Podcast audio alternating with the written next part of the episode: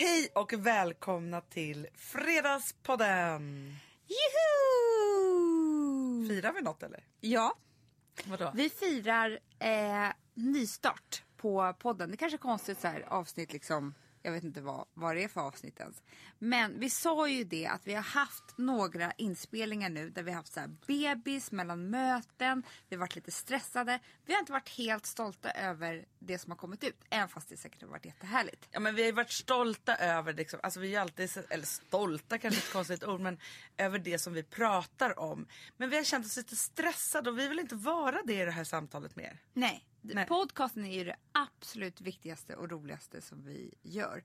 Så därför så sa vi nu att nu bokar vi in oss hos Anders, vår underbara ljudkille eh, och hans underbara studio som heter Appear. Men, och det man ska säga om Anders också, det är att han är ju med oss alltid och gör våra program. Jag vet, han är ju som en, en bror som vi inte hade. Ja, verkligen. Så att- så att Eller ett barn för han är typ 20 år yngre än oss. jag vet. Men, men då kände vi så här, nej nu ska vi, herregud, vi har fått kaffe här, vi har fått lite kakor, vi sitter i en studio, vi har tagit oss tid och vilket jävla superprogram vi ska göra nu. Men han ville nosa dig i rumpan men han kunde inte så han visste inte riktigt vem du var. Nej, och han ville kissa på Alex. Han går igenom så här om jag är en underbar människa eller inte. Och jag går igenom om han är det. Nej men förstår du? Alltså, jag skulle kunna stå med Bert Karlsson och, och känna jättekärlekskänsla. Ju närmare det blir desto mer irriterande blir tiden som det är tills det är. Det var inte förrän påsken var slut som det kändes som att jag satte punkt för hela vintern. Nej. Eller hur? Vet du att jag har en vän som, när det är vår, Ja. alltså, vet du vad han gör då? Nej. När han känner minsta vår, bara, gud nu, nu börjar det lukta vår ute. Då åker han direkt till systemet och så fyller han hela liksom, kylen och källaren med rosévin. Det är han Underbart. såhär, nu börjar våren och sen börjar han dricka. Och så kan han dricka alla de här flaskorna sen. ja men det är bara roligt. Alltså man vet att när han gör det då kan man säga att det är vår. Ja, man men- själv behöver inte göra det. Men det. Men det är någon, någonting med rosépremiären ju som är pirrigt. Mm. Det måste man ändå säga. Alltså jag blev så himla glad för det var eh, häromdagen så var det så att jag eh, kollade på Instagram som jag ju älskar. Följ oss där, vi är faktiskt ganska kul på Instagram. Det måste man säga. Både roliga och, tråkiga och inspirerande och, och alltså, vi är allt möjligt där. Ja, men det är en bra, bra grej. Men i alla fall, då tittade jag på David Helenius Instagram. Och han hade tagit ett kort på Sturehof i Stockholm, deras uteservering. Och bara, hur härligt. Det satt liksom människor som, alltså så. Så då skrev jag så jag bara, "Nej, det här var det härligaste jag någonsin har sett. Tre sekunder senare ringer han mig och bara, alltså hur härligt är det inte? Vi måste ses på Sturehof snart. Alltså vi blev så peppade och pirriga båda två. Vi, vi drömde oss tillbaka för jag och David har ju varit superbästisar en gång i tiden. Mellan att jag var 21 och 27 typ. Alltså fram tills jag gifte mig typ. Så pratade vi i telefon varje dag och festade och höll på och var liksom ett gäng. Vi åkte till Åre och vi höll på liksom och jobbade ihop och så. När vi ses, då blir vi så uppspelta så att vi, alltså, det, vi går tillbaka till det där stadiet när vi umgicks. Och det vi drömde oss tillbaka till då när vi pratade i telefon om den här uteserveringsgrejen, det var ju att vi skulle ses där. Och sen skulle det bara spåra ut och bli en all-nighter och att man inte kan det som småbarnsförälder. Gud vad roligt att du säger det Hanna. För att jag var nu med två bästa vänner då i Marbella. Och så satt vi och sa så här, gud vad det här är härligt. Vi hade så underbart och ja, det var bara helt enkelt fantastiskt. Och det är klart att när barnen har somnat att man kan liksom ta ett par glas vin och tycka att livet är jätte, jättehärligt. Men det fanns en grej som vi satt så här och drömde oss tillbaka till och som vi undrade när det kunde komma igen. Tänk dig en lunch eller en after work eller vad fan det nu än är. Man börjar dricka vin. Man beställer in det där glaset till. Och sen blir det ett till. Och sen säger man de magiska orden. Vi kör. Ja men det är så underbart. Man går inte hem och byter om. Man gör ingenting. Man går in på toaletten och så här, hittar någon kajalstump i väskan och, och målar på sig lite på ögonen och lite läppglans och tycker man är snyggare än någonsin för att man har lite glas i kroppen. Och sen så, du vet, så blir det en sån här magisk kväll. Och det är väldigt svårt när man är förälder. Ja och det var det som jag och David då kom fram till. Att vi bestämde då så här, vi måste ses snart. Liksom. Men det, vi bestämde ändå att det skulle bli lite varmare. För det är ändå väldigt huttrigt. Man kämpar ju på nu. Ja, liksom ja, ja. Men lite lite varmare. Och så skulle vi ses där. Men då ses liksom vid tre på eftermiddagen. Så att det kändes, om vi kom hem klockan 10 eller 11. Då kändes det som vi hade haft en Ja. all-nighter. Och sen kan man göra så att man bokar barnvakt och allt det här. Men man låtsas fortfarande att man ska hämta på dagis. Så att man fortfarande kan säga de där magiska orden. Vi struntar i allt. Absolut. Men du Amanda, Kommer du ihåg en eftermiddag? Så var det så att du och jag, vi måste möts upp på något sätt. Vi var båda så fruktansvärt deprimerade. Och det, det kan ju hända då och då. och det här var, det är någon form av sommar. Jag kan inte riktigt se om det var så här Jag tror vår. att det är sommar. augusti. Ja det kanske det är. Eller vi, vår, ja. ja. och så ses vi i alla fall. Så bestämde vi oss först för att vi var så himla deppiga att vi skulle försöka att shoppa bort ångesten. Ja men du vet på vilket sätt vi shoppade? Nej. Ja men det, för det här kommer jag ihåg. Vi var så här, nu räcker det inte med shopping för vi var jättedeprimerade. Vi var så långt Ja. ner. Så att vi la till en dimension. Vi skulle gå och prova brudklänningar. det där kommer jag faktiskt ihåg. vi, vi hade inte ens några killar. Nej! Vi gör det. Det tror jag kommer bli jättebra. Det kommer kännas så härligt att stå där i en stor maräng och bara känna att det här skulle kunna vara jag. Det var en underbar shopping. Det är inte bara så här, jag provar någonting som är så dyrt så att jag liksom nästan inte kan köpa det. Utan här är så här, man provar någonting som aldrig ens kommer behöva användas. Alltså det är verkligen höjden av drömshopping. Ja, men vi, vi var ju trötta på oss själva, det var ju det. Så vi ville Ja. ju liksom... Men sen så insåg vi att det här gick ju inte. Alltså vi blev Nej. inte glada av det här. Då satte vi oss på East. Ja. Ja. Och så insåg vi att, att vi måste kanske dricka bort ångesten. Jättemycket. Ja. Och jag vet vad vi drack också. Jag har ju jättebra minne. Du vet, Jag vet också faktiskt. Det är så. Strawberry daiquiris. Först ja. Men sen drack vi McPherson. Vad är det? det fick inte bli. Fast det sjuka var ju så här, och det är det vi ska säga så här. Vi hade absolut inte råd att göra någonting den här kvällen överhuvudtaget. Så då ringde vi till våra mamma. Just det, och så att hon får komma och lösa ut oss till notan. Men sen så hade vi en underbar kväll där med mamma och sen av någon anledning så hittade vi två stycken cyklar. en jätteliten cykel som var som en racercykel. Nej, men det var ju en barncykel. Alltså, jag tror att det var en sån här trehjuling eller någonting. Nej men den hade ju så här race boxstyr och så. Den var som en shetlandsponny. Och jag hade en annan cykel. Sen cyklade vi det snabbast vi kunde mellan olika ställen. Ja, och drack ännu mer. Till och klockan var tre på morgonen. antagligen upp dagen efter och var ännu mer deprimerade. Ja, men jag vet och jag kan inte minnas att vi träffade en annan människa. Nej, för jag tror att det var en måndag Hanna, eller något sånt konstigt. Men, men nu när vi ändå pratar om det. Så de här fyllorna då som är, ja, det är ju- kan ju vara bland det härligaste som finns. Så var det ju ändå så att det finns en sommartradition som vi snart måste ta upp igen när vi inte har eh, liksom små, små bebisar. Vi får ju skicka hem familjerna. För att Ja. innan vi hade barn så satt ju du och jag en kväll varje sommar när, när alla hade åkt hem. Ja men det var här var verkligen när alla hade åkt hem. För det roliga med det här var, det här var i augusti. Det var ju att, det konstiga var att alla hade åkt hem, bara du och jag där. Nej, först Anna, så var det... först så var det ju på våren. Det var ju när vi skulle ta körkort. Du hade precis fyllt 18 Ja. i maj. Och jag var då fem år äldre. Alltså 18, 19, 23. 23. Eh, och jag hade bestämt mig för att jag skulle ta körkort. För det Ja. var liksom hög tid. Och du bara, jag hakar på. Så vi gör en plan tillsammans. Och planen är så här att vi ska åka till Gotland. Och sen så hade vi då bokat en uppskrivningstid eh, en vecka senare.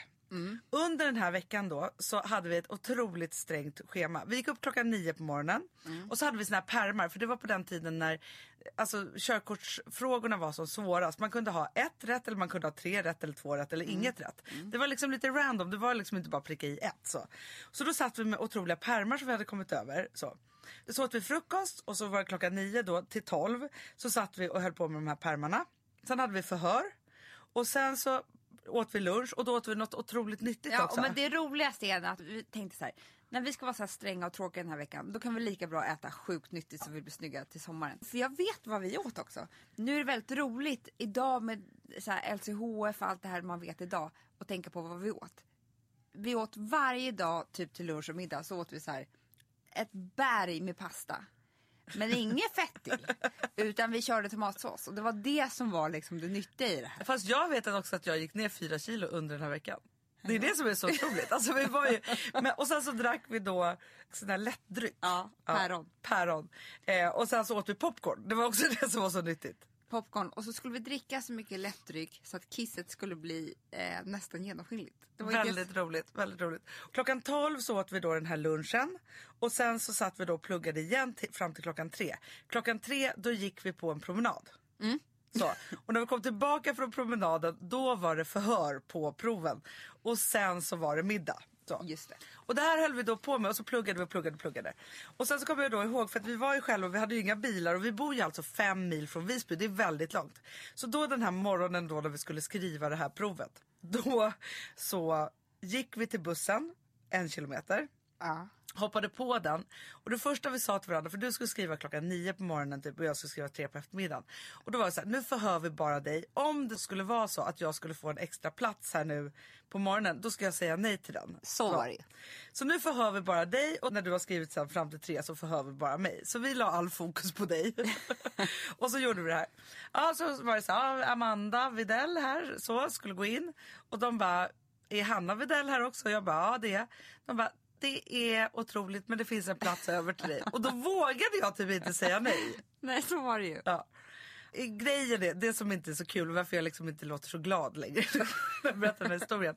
Det är ju det att du klarade med ett poäng över gränsen. Ja. Nej, men jag missade med ett poäng under. Det är ju missen och rötan. Jag grät så mycket, det var härifrån missen och rötan kom. Ja. Och då var det också så här, man fick inte skriva om provet för som tre veckor typ. För att man verkligen Tre inte... månader, Ja, men det, det var var helt- jättekonstigt. Det var helt sjukt. Det tog mig tio år till. 13 komma år över. till att komma över detta och, och skriva det igen och klara det. Men till det, då började ändå vår ja, tradition. men, ja, men det som hände när vi kom hem. Jag vet inte varför jag skrattar så mycket åt det här. För det här är som dum, dum och dum, dum. Då var det så att efter den här nyttiga veckan så skulle vi äta något jättesmarrigt. och då var det oxpytt. Helt sjukt, så här köpeoxpytt som man liksom köper. Skitkonstigt. Det som hände då var att en av oss hade gått eh, hade lagt eh, eller hällt i massa olivolja för att steka det här. Dum dum nummer två kommer och ser inte olivoljan, sätter i en rejäl klick smör i den här oxpytten. Sen äter vi den här som om vi hade liksom den värsta bulimin någonsin. Efteråt sitter dum dum och dum dum och mår jätteilla. Vi mår så var- illa. Jag minns Ja. fortfarande illa vi mådde. För att det var för mycket fett. i- Såklart. Mm. Dum, dum och dum, dum tänker så här. Vad ska vi göra nu? Jag tror att det är så att vi kan dricka snaps. så att det här, Så att det här går lägger över. sig. Hur kan man tänka så?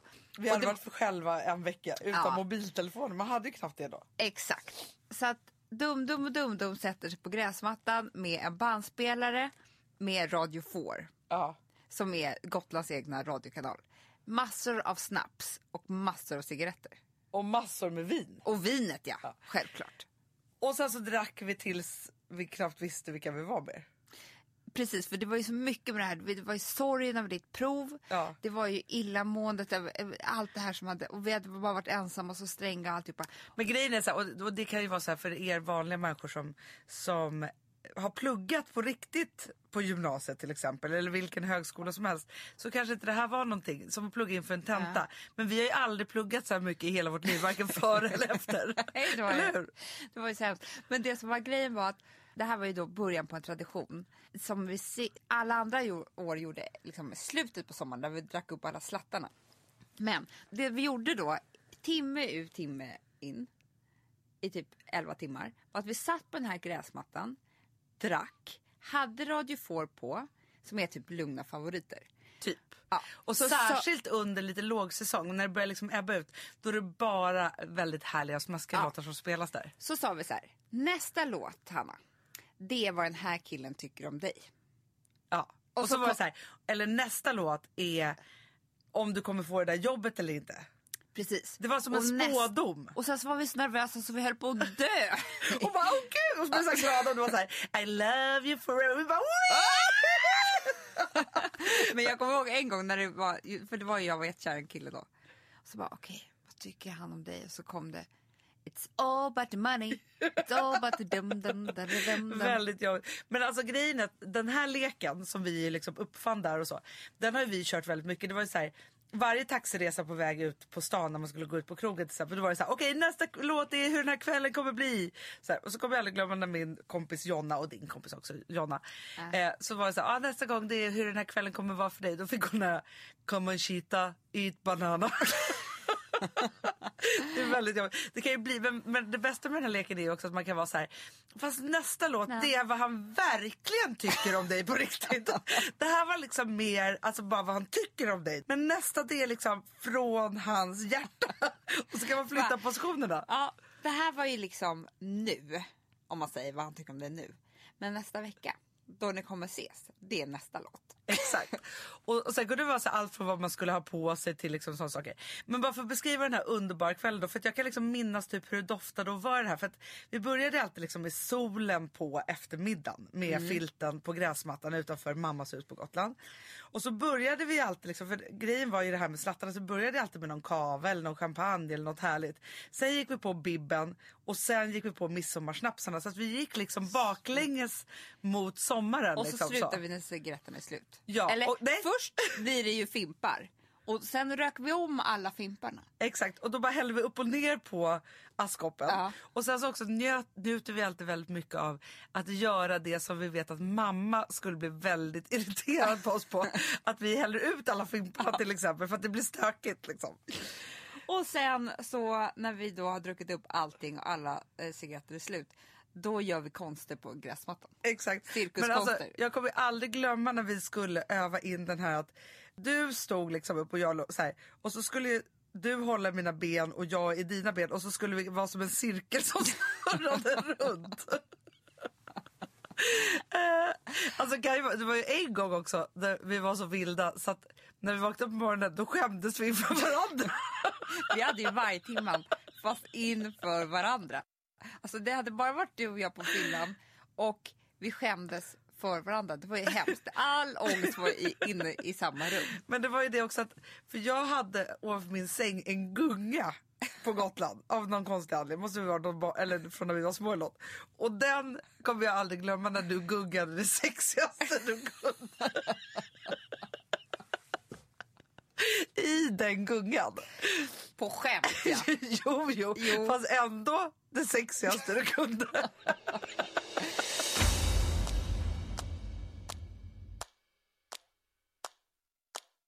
Amanda, vi är sponsrade av Sambla. Ja, och det tycker jag är så bra. För att just också i dessa tider, Hanna, men Mm. oavsett, så är det ju jätte, jättesvårt det här med lån och långivare och vad man ska ha, liksom vad man ska kräva och vad som är bra och dåligt och alltihopa. Och då, men Sambla, Hanna, de kan allt. Ja, Alltså, Alltså, allt om det här. Sambla är en personlig jämförelsetjänst för lån och de alltså, jämför upp till 40 långivare, vilket hade tagit otroligt lång tid och jättemycket energi om man skulle göra det här själv. Mm. Och De hjälper ju dig som kund liksom, att jämföra dina långivare. Ja, men det är precis det de gör.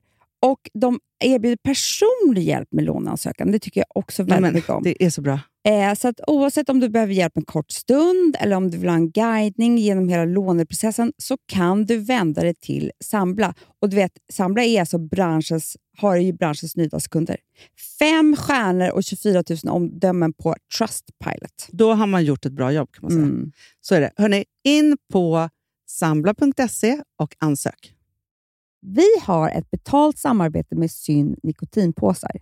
Det här meddelandet riktar sig till dig som är över 25 år och redan använder nikotinprodukter. Syn innehåller nikotin som är ett mycket beroendeframkallande ämne och Syn kommer i olika smaker, styrkor och format. Nu lanserar Syn en helt ny smak inom mint. Syn Slim Cool Frost, som har en tydlig smak av kylande pepparmint och mentol. En långsmal helvit prilla. Och enligt 90 procent av 366 vuxna konsumenter så har den en långvarig smak.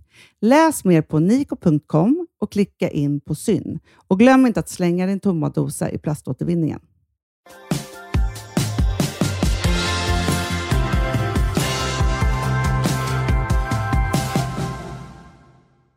Nej, men det är underbart. Men framför allt Amanda, vet du vad jag faktiskt ser fram emot? För nu har ju du och jag gått omlott i graviditeter ett tag. För det var ju så, först var du gravid med Charlie. Sen sommaren efter, då var jag gravid med Vilma. Nej. Jo. Jo. Du, var gravid, du fick Charlie den sommaren och så var jag gravid med Vilma. Så, sommaren efter. Och sen sommaren efter det, då du var på ett jäkla partyhumör, då kunde jag inte ens dricka två droppar utan att dö typ för att jag fick såna, alltså jag mådde inte bra av alkoholen. Nej. Så då var det liksom en icke-sommar för mig och jag hade också en ganska liten bebis. Såklart. Ja. Och sen så förra sommaren, då var du gravid. Mm. Alltså vi pratar att det är fyra år sedan, det kanske är fyra år sedan vi hade den här festen sist. Men det måste ha varit fem år sedan för du får ju tänka att det är sommar innan där också. Ja, ja, ja, ja.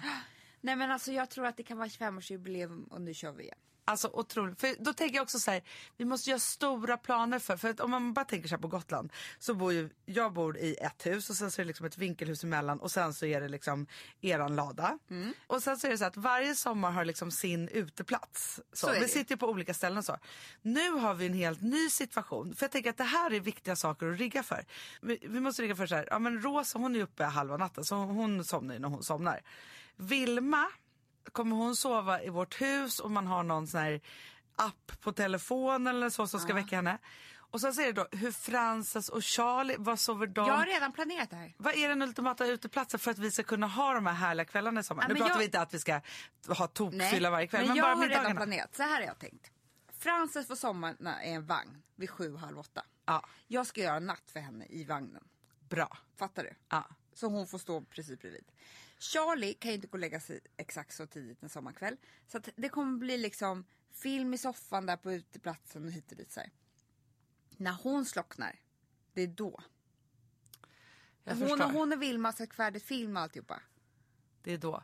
Men frågan om, för jag tänker så här, soffan är ju jättebra men egentligen så skulle vi behöva en säng där ute. Ja, det kanske det är. Om vi i ladan har en stor, alltså en sån här, vad heter det, utfällbar eh, Tältsäng. tältsäng med en stor madrass. Som man bara viker Så ut. mysigt. Med kuddar och massa filtar som liksom är deras men som är varmt och mysigt. Och så bara bäddar vi ner dem där. Perfekt. Men eller hur? Så bra.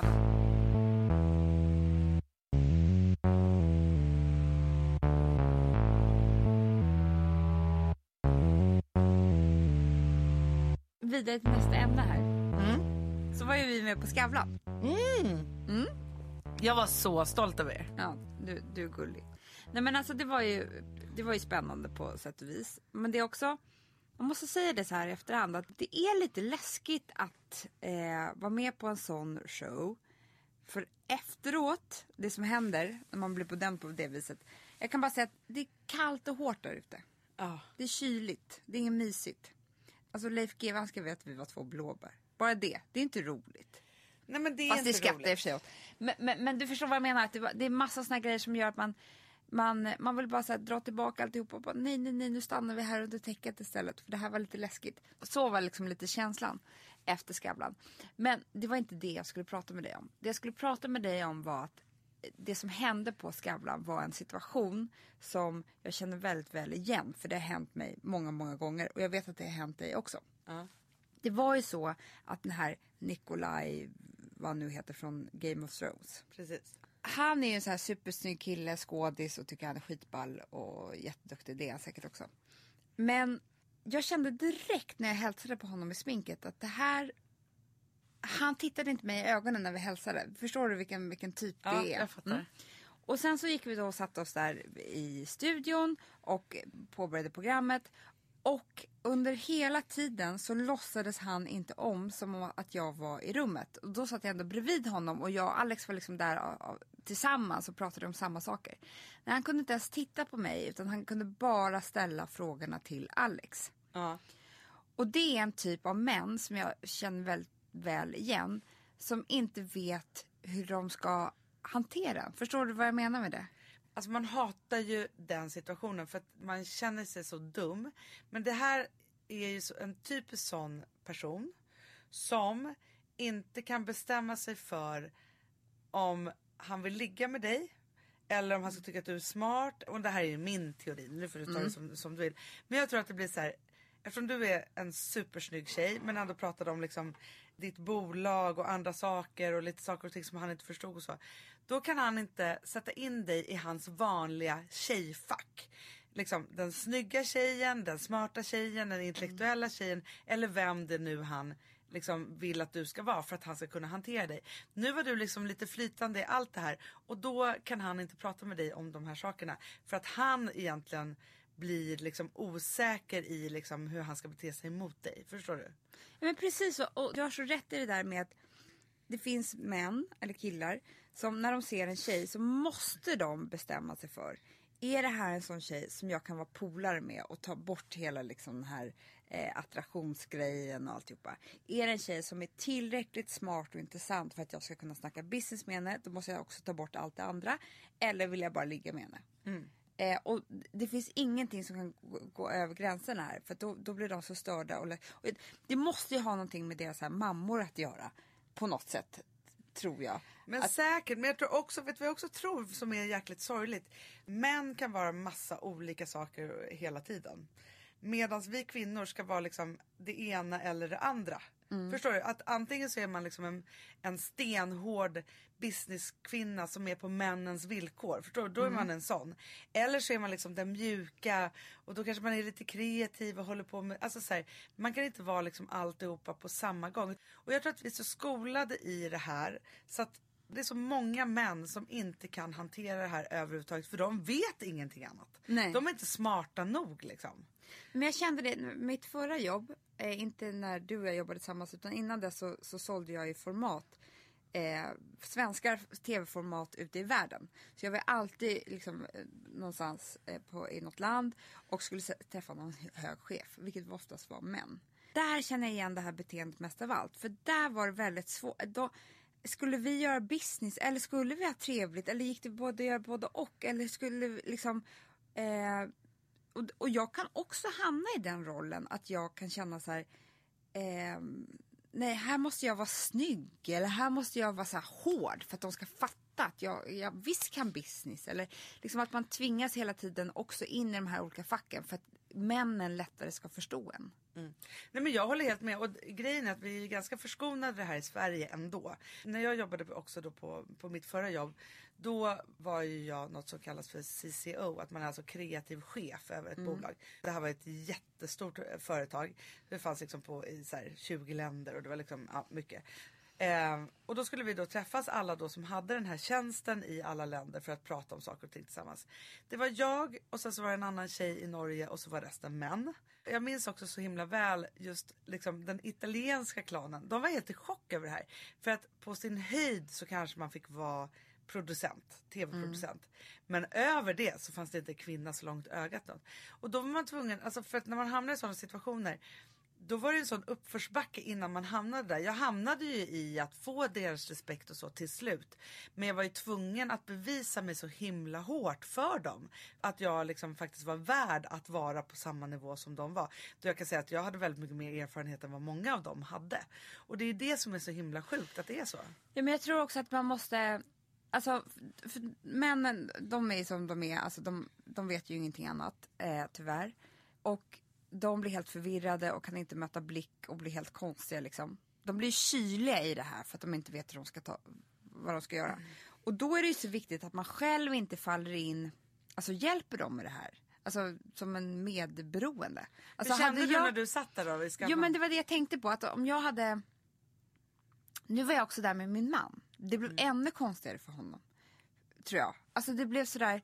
Jag vet inte, vi kunde inte mötts där på något. Alltså just där i stunden. Det hade blivit obehagligt. Hur hade det blivit om du hade liksom gjort upp med honom Ja men jag menar det. Alltså, det hade man ju kunnat gjort. Man hade säkert ångrat sig jättemycket efteråt. Men jag bara menar att sen om vi hade gått ut i sminket så hade jag ju antingen kunnat så här blinka lite extra med ögonfransarna och varit så här. Åh, jag tycker du är så bra i Game of Thrones. Då hade han nog lättare vetat hur han skulle hantera mig. Ja. Ehm, eller om man hade då så här, vänt om och blivit någon slags så här, mm, jag vet inte. Men det är där man inte får göra utan man måste bara fortsätta, fortsätta, fortsätta tills männen förstår att de inte behöver vara rädda längre. Men för jag vet ju så här, alltså vi hamnar ju ganska ofta i den här situationen. För folk kan ju också bli så här, de vet inte vilka fack de ska ha i oss när vi också är tillsammans. Och jag vet också, jag är ju jätteofta fel i det. Att jag, jag vet ju precis när jag blir osäker och träffar någon som det är ett nytt möte eller så, här, så letar jag efter den där platsen som den vill att jag ska vara i. Ja. Så. Men min lättaste plats då är att gå tillbaka och sen så låtsas att jag är bara könlös, ful och, och eh, väldigt business. Förstår du vad jag menar? Jag fattar precis. Det är lättast för dem att hantera. Ja. Inte för dig, utan för dem. Ja, och jag har säkert blivit mycket bättre på det med åren. Men att vara så här, vägra deras den här, gud vad med hon och hur ska jag hantera den här personen? Och bara vara så här, fast jag är en snygg och härlig tjej och jäkligt duktig på det som jag gör och vet alla de här sakerna som ni gör också. Så att jag kan ju bli så, så att jag då börjar så briljera med liksom avtalssnack eller liksom så här, jag går in i så här otroligt eh, typiska så här, mötesmanualer för att de ska förstå att jag har varit med förut. Förstår du? Du, vet, du förstår. känner ju igen det. Jag, Ja, gör jag, det vet ibland på möten. precis, jag vet ju precis när du går in i, i, i det. Och det är väldigt bra. Men alltså, och jag tror att du och jag i möten kan vara... Det är lättare att hantera oss båda tillsammans. För vi ehm, kan ofta så här, göra så att det blir lite skratt. Och Mm. skratt är väldigt avväpnande för, för alla.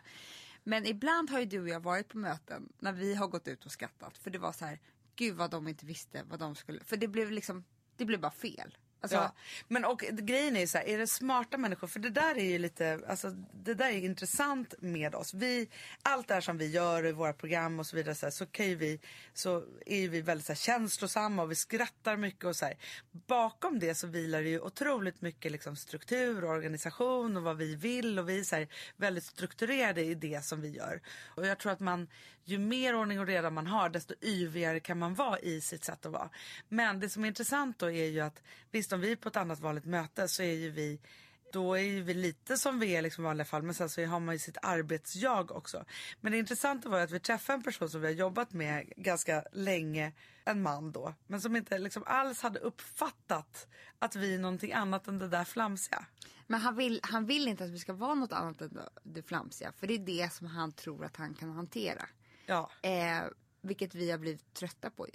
ja. Så det kommer ju visa sig vad det blir. Men Men fast det, vet du vad som är intressant Amanda? Just det som du precis sa. Han vill inte att vi ska vara någonting annat än det. nej. Nej. För att det där, om vi skulle liksom visa vår andra sida där, då skulle det bli alldeles för ohanterligt och läskigt. Ja. Eh, Och konkurrerande. Och konkurrerande. För ofta handlar det här också om konkurrens. Ja men för det är det som också som har varit så här lite med män och kvinnor. Att männen har inte trott att de ens behöver konkurrera med kvinnorna. Och nu plötsligt så är man där och, och det börjar bli mer och mer jämställt. Och det är ju skitläskigt. Eh, men jag tror att ni alla känner igen den här situationen. Ni tjejer som lyssnar och ni män som lyssnar kan ju också tänka på det här. Att man inte... För att ens första tanke är att man bara vill göra sig till den som den man träffar vill att man ska vara. Man behöver ju inte det. Och det finns ju någonting på andra sidan också som jag tror både att mannen och kvinnan tycker är härligare. Absolut. Och vi, i alla relationer som man har så är det ju så att man hela tiden letar sig efter vilka alla är. Precis som att hundar liksom hittar sina revir och så vidare och liksom så här nosar varandra i rumpan. Det är typ det vi gör egentligen. Förstår du? Att det är så här, Ja, jag och Nikolaj of Thrones och nosade varandra i men rumpan. han ville nosa dig i rumpan men han kunde inte så han visste inte riktigt vem du var. Nej, och han ville kissa på Alex. Typ så här, kissa in hans revir. Ja, men vi alltså jag tror att det är liksom där vi går tillbaka. Och grejen är ju så här, och det, Vi var på hundgården i Skavlan. Men, ja, och det är lite så att det är så vi gör också i våra familjerelationer. Mm. Eh, liksom i så här, alltså man är lite under någon liksom, alltså, där, alltså vi bestämmer, vi rankar ju liksom, det är hierarki hela vägen. Vi är på hundgården helt enkelt. Ja, Hela tiden. så är det. Men, och ja, det är mycket lättare att tänka så. Men förstår vad roligt också, man har ett möte där det är helt stenhårt och man bara märker hur, för det, är också, det kan ju också vara väldigt intressant när man är på ett möte och sen så kan det vara folk som börjar tuppa sig. Liksom Men Hanna, här- vi var ju på ett sånt möte för inte så länge sedan. Och det var ju bara en, en hel uppvisning. Tänk er fyra rottweilers liksom. Eller chefer eller vad det är. Som bara ska stå och så här. Morr, alltså du vet, de ska stå så och lukta på varandra i öronen innan de ska börja slåss. Precis, och så är Eh, de liksom på gång. Och De är på gång och de ska visa och de ska hålla på och sen ska de kissa och visa snoppen. Alltså jag vet inte. De var ju liksom, och det var ju så roligt. Vi satt ju faktiskt bara tillbaka lutade och njöt av, för det var så roligt. Det var ju nästan komiskt. Ja. Men det är mycket lättare att tänka sig dem som hundar.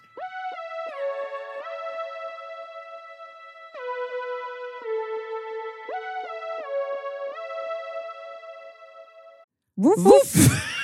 Ja, det var kul. Mm, Jag är lite mer så här. Ja, det, man måste, när, när man pratar, alltså vi sponsrar av Prima Dog och när man pratar med den där, jag känner så här att alla woofande måste vara med. Det finns ju de som säger voff, voff, och så finns det voff. Alltså, det, det finns ju Det många... här är mera Fonzie. Han, han skäller inte så mycket, men han låter så här. Ruff, ruff, Han har så, sån. eller hur? Så, ja, det har han faktiskt. Får jag, säga, jag skickade ett klipp till dig. Contemporary dance med hund. Du, det är så Fonzie dansar när han får prima dogmat. För att, Ja, vet du varför? Den är så snäll mot magen. Han får en helt bekymmersfri vardag. För du vet magen, den måste man ta hand om. verkligen. Nej, men så här, och Prima Dog har ju torrfoder, våtfoder, godis och tugg i sortimentet. Alltså tugg ju så som de skulle hålla på att tugga på. Det är, faktiskt, det är Fonzies favorit faktiskt. Tugget. Ja, men han har ju också börjat älska våtfoder. Mm-hmm. Det skulle jag det också kanske tycka var go- Ja, gott. men jag, jag förstår honom faktiskt. Men det är alltså vetefria produkter med mycket kött. Och det är det som jag tror är så bra. Produkterna finns ju online, i välsorterade djuraffärer och i dagligvaruhandeln. Alltså jag skulle vilja att du och Fonzie lär er contemporary dans. Det var ju som agility fast med dans. Mm, ja, ja, vi ska Ah. göra det. Jag tror att Prima Dog kommer vilja ha oss som ansiktet utåt. Ja, men det är det jag känner. Ni dansar er fram till... Alltså för deras, jag älskar ju deras eh, liksom tagline och det är Taste of Nordic Happiness. Och liksom, Då måste dansen vara med. Ni kan gå in och läsa mer på primadog.se och snart se mig och Fonzie i en dans på en skärm nära er. Underbart! Du Amanda, Ja, vi är sponsrade av All I Am. det är det mysigaste. Alltså för det första, ja, två produkter vill jag prata om. Mm. Det ena är blusher drops. Ja. Ser du på min kind? Jag ser. Det är någonting, det är alltså så här peachy liksom, eh, kan man säga färg. Men, och jag har ju alltid lite rouge innan, så jag är ju romantic plum innan.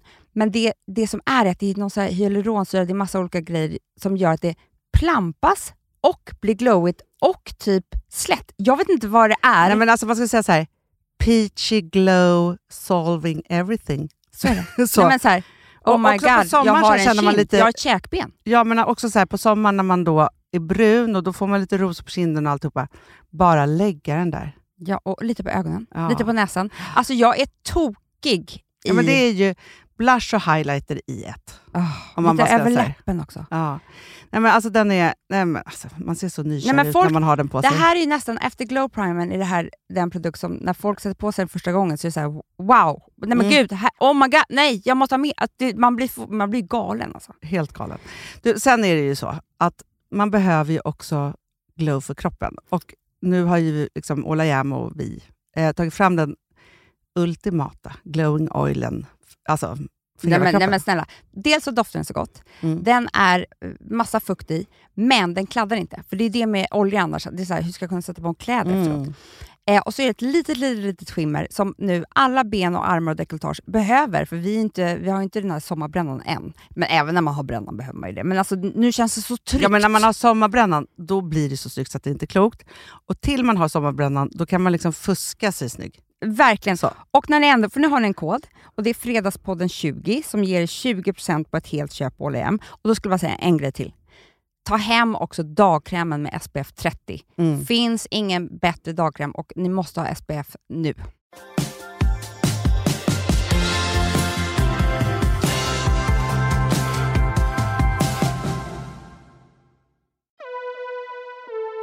Mitt bröllop börjar närma sig med stormsteg. Det måste man säga. Men jag, jag, jag vill nästan inte tro att det är så nära som det är. Nej men jag vet, men jag är liksom så här, å ena sidan så, så jag beter mig lite som att det är månader. För att i min, i min bästa grej skulle ju vara så här att det var imorgon typ. Alltså så att det liksom inte är så långt. Nej. Man hatar det där väntande. Alltså, ju närmare det blir desto mer irriterande blir tiden som det är tills det är. Ja, Förstår du vad jag, jag menar? fattar precis. Ja. Men det som jag tycker är intressant, det som är roligt nu är ju liksom att det är så här, ja men nu är det ju bara att sätta liksom alla roliga saker och sen så kommer det vara liksom att bara åka med på den här kvällen. Det kommer ju vara underbart. Ja. Men det som jag tänkte på som var så himla intressant som jag tänker bara att man nästan skulle behöva få en utbildning i. Det är ju vad som händer från att man bestämmer att man ska gifta sig till att man faktiskt gör det. För det är ju på något sätt som att relationen Alltså som att man inventerar hela sin relation. Att det är liksom, här kan man ha levt tillsammans liksom i flera, flera år. Ja. Men samma sekund som man bestämmer sig för att man ska gifta sig, då är det som att man måste gå igenom alla lager och gilla den här personen. Och inte, Ja alltså, men det så här- blir så för att allt det andra är ju så här. Man ska stå där och välja varandra. Ja. Här, på riktigt. Så det är klart att det är som att man ska köpa liksom, det dyraste man någonsin har köpt. Eh, en lägenhet eller vad det nu kan vara. Det är klart att man måste kolla bara, kommer det här bli bra? Alltså nu ska Ja vi... men det är så. Och det är liksom så här, är det, är, det, är det värt allt det här? För man ska också dra iväg en jäkla massa pengar i det här. Och alla ens vänner ska bjudas in. Man gör ju sig, man, man, Man gör sig väldigt viktig också i sin kärlek. jätteviktig. Och, det är så här, och jag tänkte också på det när man får såna här OSA-svar. Där det är så här, självklart vill vi komma och, och fira er kärlek. Vilken Jaha. kärlek?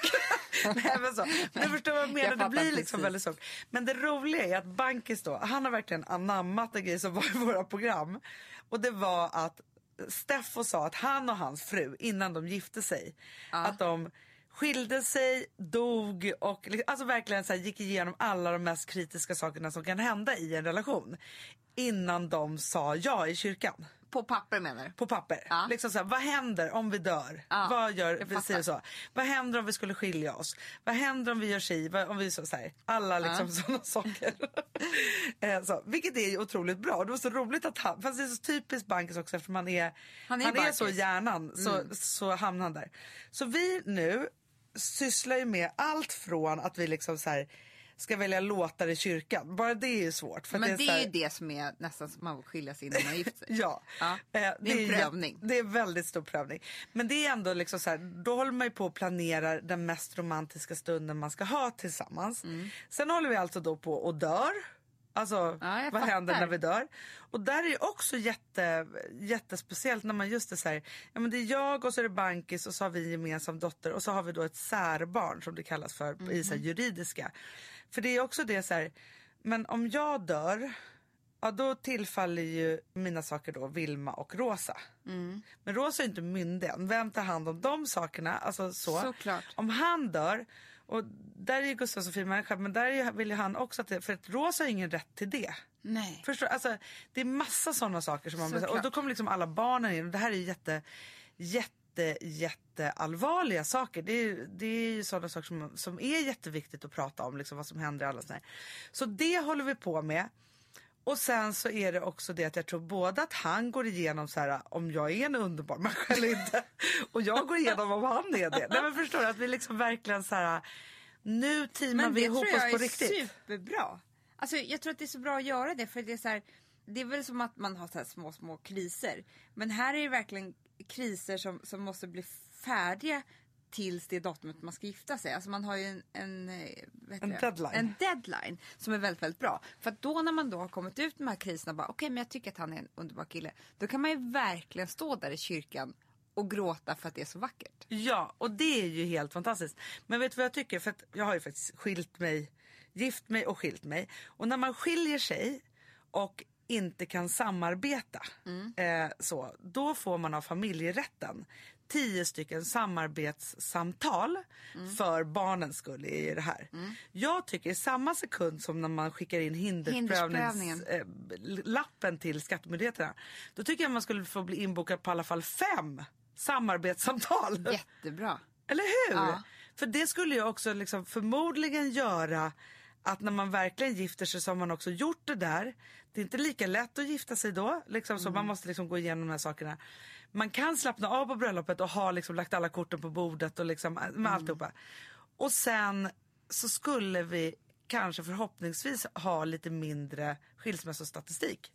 Jag var ju på ett bröllop. Det var upplagt för att vara det absolut härligaste bröllopet som man som gäst kan vara på. Det var liksom ute på landet, det var en strålande sommardag.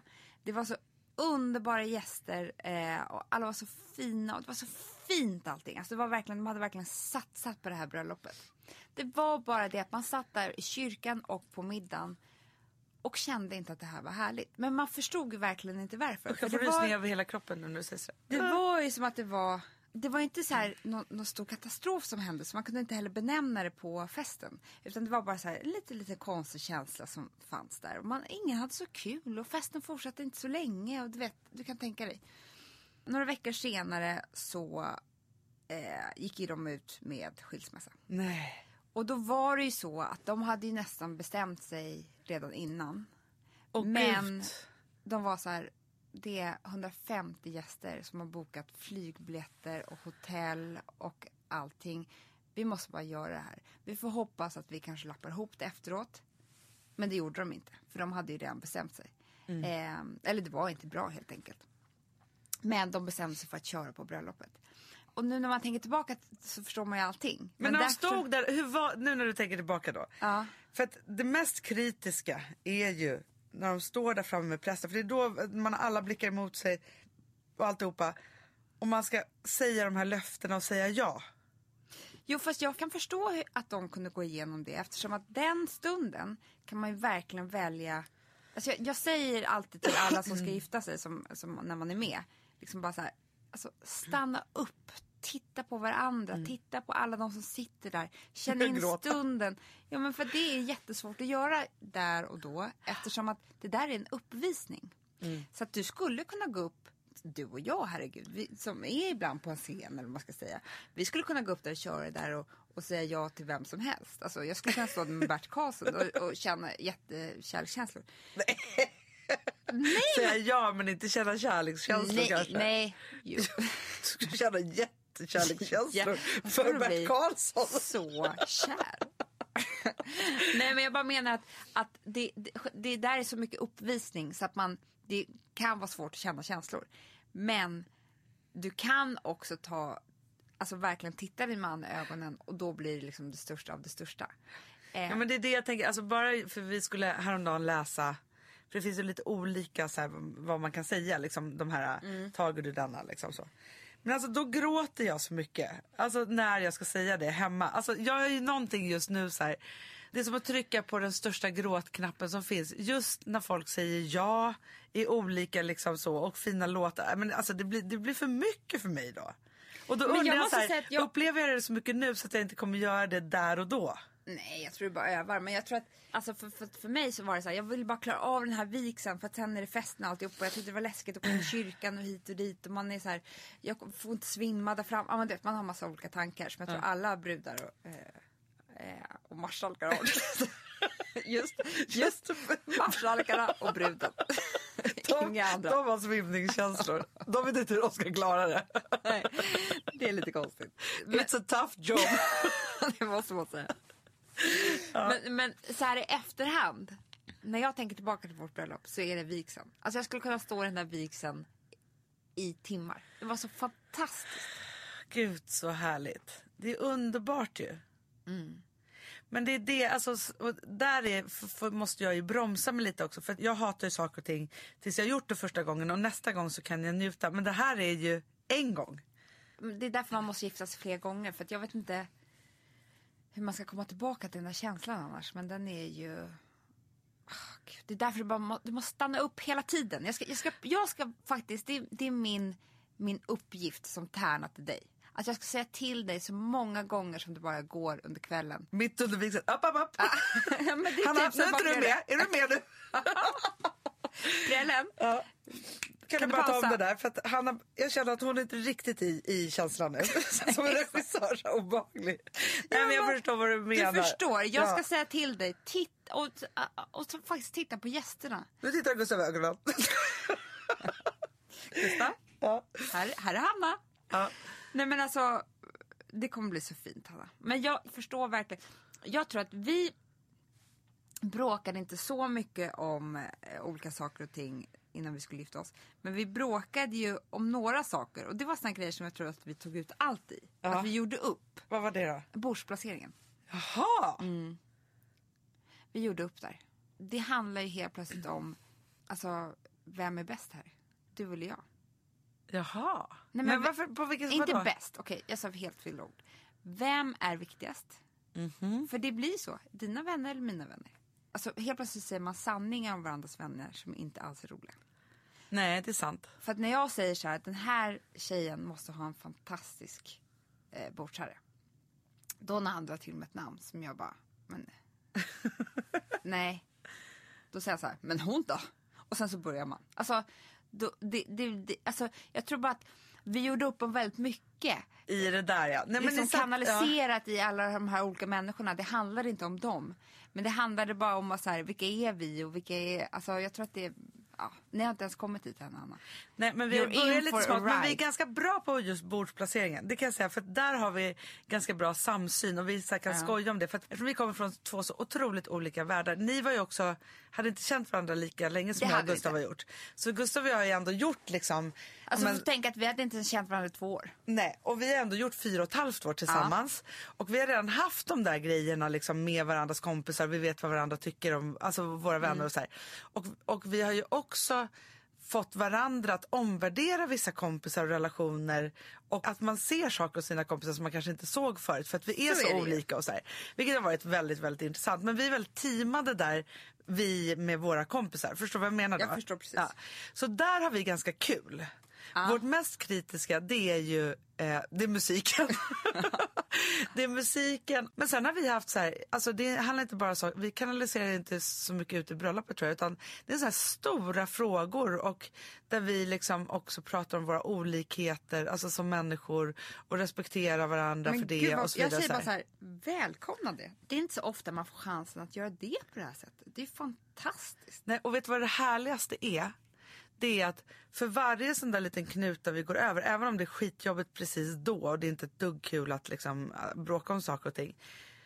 När vi har gått över den så blir vi väldigt mycket gladare och kärare. Så det känns som att vi så går ett steg framåt Ni gör i det där. hindersprövningen på riktigt. Ja, det är små hinder som vi prövar nu. Ja. Verkligen. För vi är inte fint. syskon. Så det kommer gå bra. Hindersprövningen är godkänd. Ja, nej, men det är väldigt bra. Men jag tycker faktiskt att, att så här, man kanske inte kan begära att staten ska gå in även om jag tycker att de skulle liksom vårda våra kommande äktenskap lite mer. Men däremot så skulle man kanske själv gå och boka fem stycken terapisamtal. Så bra. Precis som du säger, när man skickar in hindersprövningen så bara, nu kör vi. Ja, Nu lägger vi korten på bordet här. Och verkligen liksom talar ut Och sen väljer vi varandra för de vi är. Precis. Tar vi in varandra i stallet. Så mysigt. För det vet du vad jag tror. Vi som har pratat så himla mycket om att här, välja in folk och att man ska köpa hela den personen och liksom alltihopa. Jag tror att ganska många människor gör så med sina familjemedlemmar och vänner. Men väldigt sällan med sin partner. Jag tror att det är så här, jag tror att det blir fel där. Man tar in ens partner kanske i, i hela dennes liv. Men man fortsätter att irritera sig på dåligheterna. Precis. Vilket gör att det, det där går inte ihop Nej. på något sätt. Nej, för man måste ta in den, alla den svagheter och bestämma sig för att älska dem. Jag har ju lärt mig otroligt mycket av liksom mitt första äktenskap och om mig själv och sådana saker. Så att jag är mycket mer förstående och förlåtande. Men det kan vara så här, förut så kunde jag irritera mig på om någon annan hade en töntig stil till exempel. Ja. Alltså det finns ingen stil som är så rolig som Gustavs. Den är inte töntig men den är bara, den är bara liksom helt annorlunda mig. Och jag älskar den och jag kan också skratta så mycket åt den ibland. Ja, men ja, alltså, det fanns kläder som Alex hade. Han hade ju väldigt många t-shirtar med älgar på Älgar just. när vi träffades. Älgar och konstiga, han tyckte de var skittuffa liksom. Och jag älskade dem ännu mer för de där älg-t-shirtarna. Jag älskade dem. Ja men det är underbart. Men du förstår också att man kan Mm. Ja. vara så här, just det där kan man irritera sig för för man vill Ja, att någon det- ska vara på precis. det eller andra sättet. Men då bara bestämmer sig så här, sån är han eller sån är hon och jag köper det. Liksom. För nu Mm. bara tar jag in det. Livet blir så mycket härligare då om man faktiskt, för man får ju också tänka på att man själv är inte så himla perfekt. är och man kommer bara bli mindre och mindre perfekt. Alltså om vi bara pratar yta då, för resten av livet. Men du, det här var en underbar nystart tycker jag på vår podd. Jag tycker också det. Det känns så härligt att få ta in alla i våren och sommaren på något sätt. Ja. Det, ja, men jag tycker det också. Jag tror, att vi, jag tror nästan att vi kommer sitta här nästa vecka också. Jag ska fråga Anders. Väldigt snällt om vi får göra det. Det tycker jag också. Och hörni alla kära människor som lyssnar på oss. Vi har ett nytt nummer ute. Ja, Träningsnumret. där vi är jäkligt bruna Leta på efter omslaget. två supervältränade tjejer i, i tidningsstället så ser ni oss. Där är Skoja. vi. Där är vi. Ja. Ja. men sen så tycker jag att ni ska följa oss på Instagram. Där berättar vi alla våra nyheter. Jag heter Hanna Videll och du heter... Mandy Schulman. Ja. Och så finns vi på Twitter. Där heter jag Hanna Videll och du heter... Amanda Videll. det är så konstigt där. Eh, men följ oss där och så har vi våra bloggar såklart. Mm. Och sen så, så får ni ha en underbar helg. Ta och se premiär ni som vill. Mycket... För det ska vi göra. det ska vi verkligen göra. Rosépremiär Och sen så ses vi nästa fredag. We love you all. Skål! Bra Som vi brukar säga. Puss och kram. Hej!